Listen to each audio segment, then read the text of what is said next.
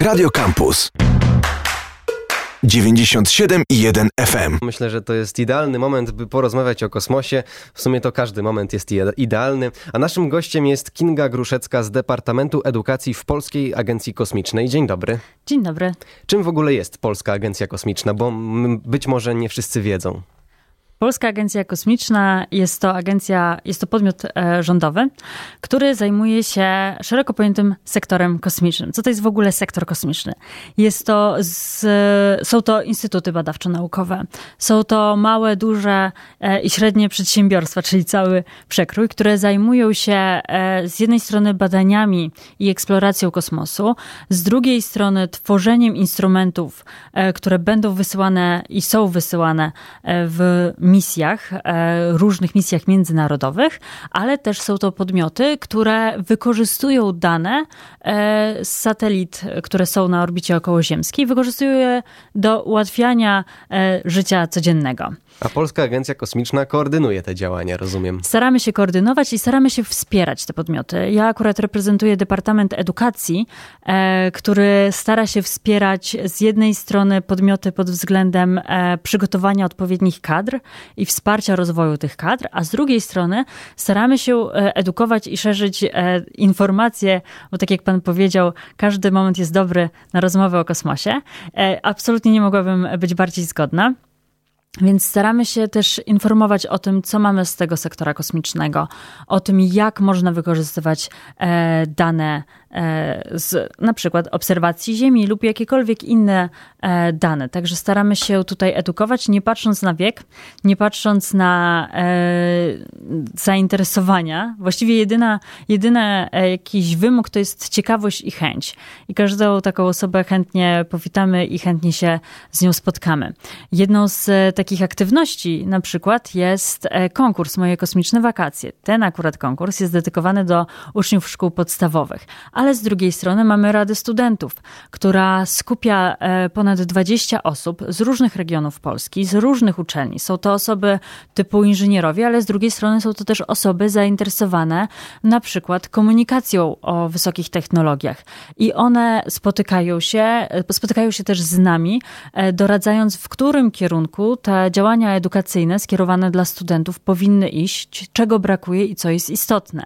Staramy się też wspierać różne inicjatywy oddolne. No za chyba już trzy tygodnie mamy European Rover Challenge, e, czyli ERC 2020. Spotykamy się w Kielcach, ale też online. 11 września organizujemy konferencję wspólnie tutaj z fundacją e, organizującą ERC. Organizujemy konferencję na temat e, szeroko pojętej robotyki, łazików, e, ale też tego, jak inspirować, jak edukować o e, kosmosie. Także tych działań powiedziałabym, edukacyjnych jest naprawdę bardzo dużo, a oprócz tego mamy działania na arenie międzynarodowej. Jesteśmy w różnych organizacjach, podnosząc świadomość o tym, kto jest w sektorze kosmicznym w Polsce, jakie mamy dokonania, jakie mamy doświadczenia E, w właśnie budowaniu sektora tego globalnego. O właśnie i o te dokonania chciałbym teraz zapytać, bo cały czas dochodzą do nas informacje z oceanu na temat różnych projektów kosmicznych. A jak ta sytuacja wygląda w Polsce? Czy polska branża kosmiczna prowadzi w tym kierunku jakieś działania? No pewnie, że tak. Po pierwsze, nie ma działań międzynarodowych, e, znaczy nie ma działań E, poza granicami Polski, które by nie były międzynarodowe. Każda jedna misja, e, o której słyszymy, czy to e, misje chociażby najbardziej popularne NASA, one bardzo często mają komponenty pochodzące z innych krajów. Także należy o tym pamiętać, że urokiem i takim wymogiem sektora kosmicznego jest właśnie ta trochę zależność, ale trochę też współpraca i kooperacja z innymi podmiotami. Także nasze podmioty narodowe mają bardzo długie doświadczenia, e, długoletnie doświadczenia współpracy z innymi agencjami. Nie jest to tylko NASA, ale też chociażby ich, czy Chiny, czy e, Japonia, z którymi współpracują. Dla nas, jako dla Polski, najbliżej jest Europejska Agencja Kosmiczna, której jesteśmy członkami od 2012 roku. I e, tutaj ESA bardzo często e, prowadzi e, działania, mm, właśnie planowanie misji czy e, zakupy technologii, w której też biorą udział Polacy. Sam mechanizm jest trochę bardziej skomplikowany niż to, co teraz powiedziałam, ale warto pamiętać o tym, że jest ESA, są misje ESA i polskie podmioty biorą w nich udział. E, Polska nie ma takiego dużego budżetu e, na misje kosmiczne jak e, inne państwa, jak sama organizacja ESA czy jak Ameryka. Tutaj mam na myśli Stany Zjednoczone, ale dzięki tej współpracy jesteśmy w stanie zaistnieć i przyczynić się do lepszego zrozumienia tego, co się dzieje we wszechświecie, ale też lepszego zrozumienia naszej Ziemi, naszej planety. Gdy myślę o polskiej branży kosmicznej, to od razu przypominają mi się informacje o tym, że Polacy mieli wkład w budowę jakiejś satelity lub jakiejś sondy. Jak to wygląda? Czy to prawda, że Polska właśnie w tym się specjalizuje? E, I tak, i nie. To znaczy nie tylko w tym, i to jest ta część nie. E, bardzo często e, mamy swoje komponenty, swoje instrumenty na różnego rodzaju sądach. W zeszłym tygodniu w mediach pojawiła się informacja, że firma Astronika wysyłała swoje mechanizmy właśnie do integracji do jednej z misji. Chwilę temu świętowaliśmy wystrzał Solar Orbitera, w której znowuż e, polski podmiot, tutaj akurat e, Centrum Badań Kosmicznych Polskiej Akademii Nauk, przyczynił się do stworzenia innego instrumentu badawczego. Tych misji jest naprawdę dużo. I żeby tutaj też nie przedłużać i opowiadać o wszystkich, e, zachęcam do sprawdzenia naszej strony internetowej, czyli Polskiej Agencji Kosmicznej, polsagov.pl, gdzie są informacje o, chociażby o tym, jak się przyczyniliśmy do eksploracji Marsa, w których misjach braliśmy udział. Też e, na naszym Facebooku są informacje o e, tych misjach e, i wizualizacje artystyczne misji, w których Polacy brali udział.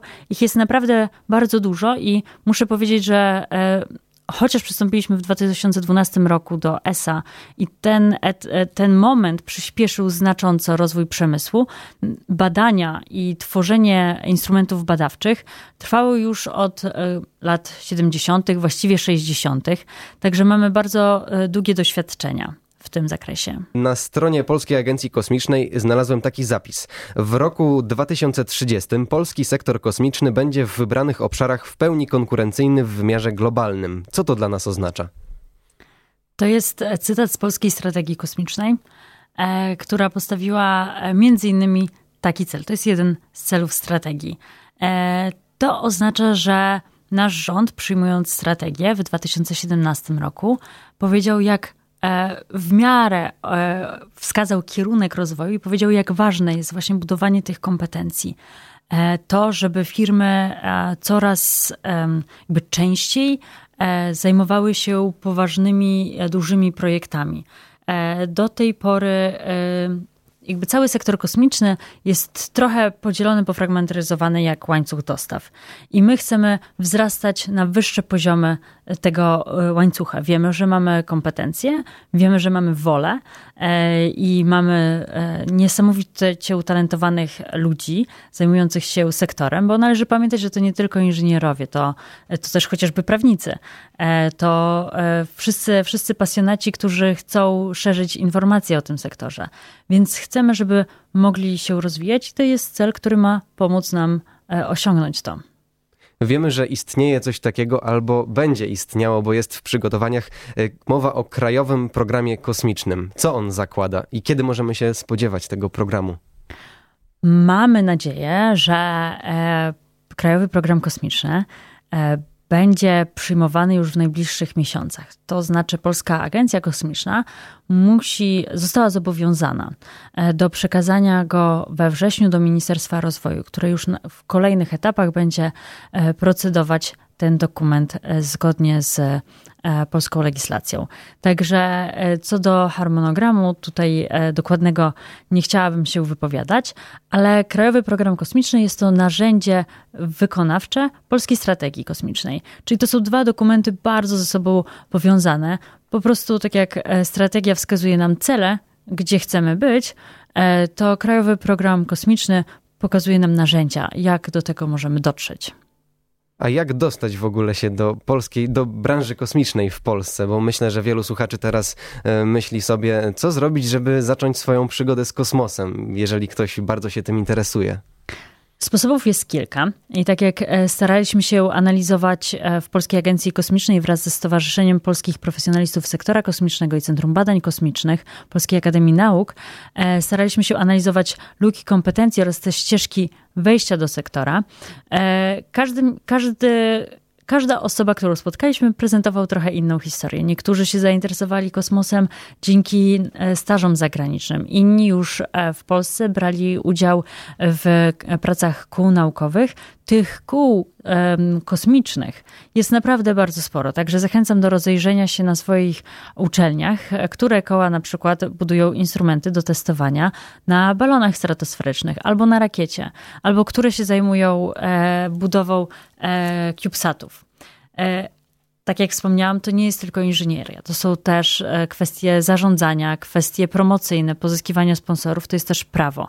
Jeżeli ktoś jest e, zainteresowany tego typu obszarami, powinien poszukać właśnie tych kół, powinien zacząć się spotykać. Jest teraz bardzo dużo wydarzeń online co ułatwia kontakt, bo zawsze można zadać pytanie prelegentowi. E, my, jako Polska Agencja Kosmiczna, również organizujemy takie wydarzenia, także zachęcam do śledzenia e, naszego Facebooka, gdzie staramy się na bieżąco informować. I też na stronie Polsy jest e, publikacja dotycząca inicjatyw oddolnych. I tutaj staraliśmy się przeanalizować to, co się dzieje w różnych województwach, w różnych miastach Polsce, a jest związane z kosmosem. Także jeżeli ktoś jest zainteresowany, zachęcam do udziału, zachęcam do rozmów z osobami, które już są w tym sektorze. Proszę się nie zrażać ani swoim wykształceniem, ani tym, e, jaką pracę teraz ktoś ma, bo bardzo często e, to ludzie z innych, e, z innych sektorów, z innych e, miejsc pracy przechodzą do sektora kosmicznego i to też jest fenomenalne e, w tym sektorze. Na stronie Polskiej Agencji Kosmicznej znalazłem informację, że polska branża kosmiczna wspiera także obronność naszego kraju. Na czym to polega? Ja mam wrażenie, że my się nawzajem wspieramy. To znaczy, przemysł kosmiczny wspiera obronność, a obronność wspiera przemysł kosmiczny. Bardzo dużo technologii, które obecnie są wykorzystywane, e, powstało właśnie e, na potrzeby obronności. I obronność też czerpie e, no, i informacje, i dane, ale też technologie właśnie z rozwoju przemysłu kosmicznego. Także to jest bardzo bardzo silne powiązanie e, tematyczne. E, chociaż tak jak patrzę na to, to nie, to nie jest tylko obronność, bo z innymi przemysłami też kosmos jest mocno e, powiązany. No ale słowo o obronności. W samej Polsce obronność jest znaczy sektor kosmiczny jest wykorzystywany przez obronność chociażby poprzez dane mm, satelitarne z obserwacji Ziemi. I tutaj e, wojsko, czyli Ministerstwo Obrony Narodowej ma swoje e, centrum analiz tego typu danych. I też staramy się wspierać i koordynować swoje działania wzajemnie. W Europie to jest trochę bardziej podzielone. To znaczy, wspomniałam o Europejskiej Agencji Kosmicznej i ta zajmuje się tematami tylko cywilnymi. Znaczy, w sumie może w Polsce to też jest dość, e, dość podzielone, bo w Polskiej Agencji Kosmicznej, chociaż e, są czasami tematy wojskowe, no to e, w chwili obecnej jednak jest bardziej widoczny ten rozdział. Także jest to jakiś tam trend globalny. E, ale tak jak wspomniałam, te, ten prze, te przemysły, te tematy bardzo mocno się przecinają. Jednym z ważnych projektów Polskiej Agencji Kosmicznej jest konsorcjum Sat4Envy. Czym jest ten projekt? E, może zanim powiem, czym jest e, Sat4Envy, to powiem, że tak, to jest jeden z projektów. Oprócz tego mamy też projekt związany z bezpieczeństwem na orbicie, bo Wspomniałam o, e, te, o tej technologii obserwacji Ziemi, jest również e, nawigacja, jest łączność satelitarna, ale to, co się dzieje na orbicie, e, też trzeba, mówiąc kolokwialnie, przypilnować. To znaczy zadbać o to, żeby nie uległo zderzeniu, żebyśmy wiedzieli, gdzie się znajduje i z czym może kolidować. To też jest kwestia chociażby robotyki czy całego tematu serwisowania na orbicie. E, potężne wyzwanie dla e, sektora globalnego, nie mówię tutaj tylko o sektorze polskim, ale dla globalnego, jak serwisować te satelity, żeby im przedłużać życie, żeby naprawiać, żeby się nie zamieniały w śmieci kosmiczne. Także to jest jeden z tematów. Robotyka też jest nam dość bliska. Należymy do klastra e, Peraspera. Jest to klaster Komisji Europejskiej, który stara się jednoczyć i, działać właśnie w kierunku rozwoju tej robotyki kosmicznej. E, sama, z samej robotyki kosmicznej jest sporo transferu do innych tematów, jak chociażby do medycyny. Oprócz tego lada dzień zaczynamy kolejny projekt bardzo istotny związany z łącznością satelitarną. E, mamy projekt dla e, uczniów szkół średnich i dla nauczycieli Future Space. I oczywiście jest jeszcze ten temat Sat for Envy.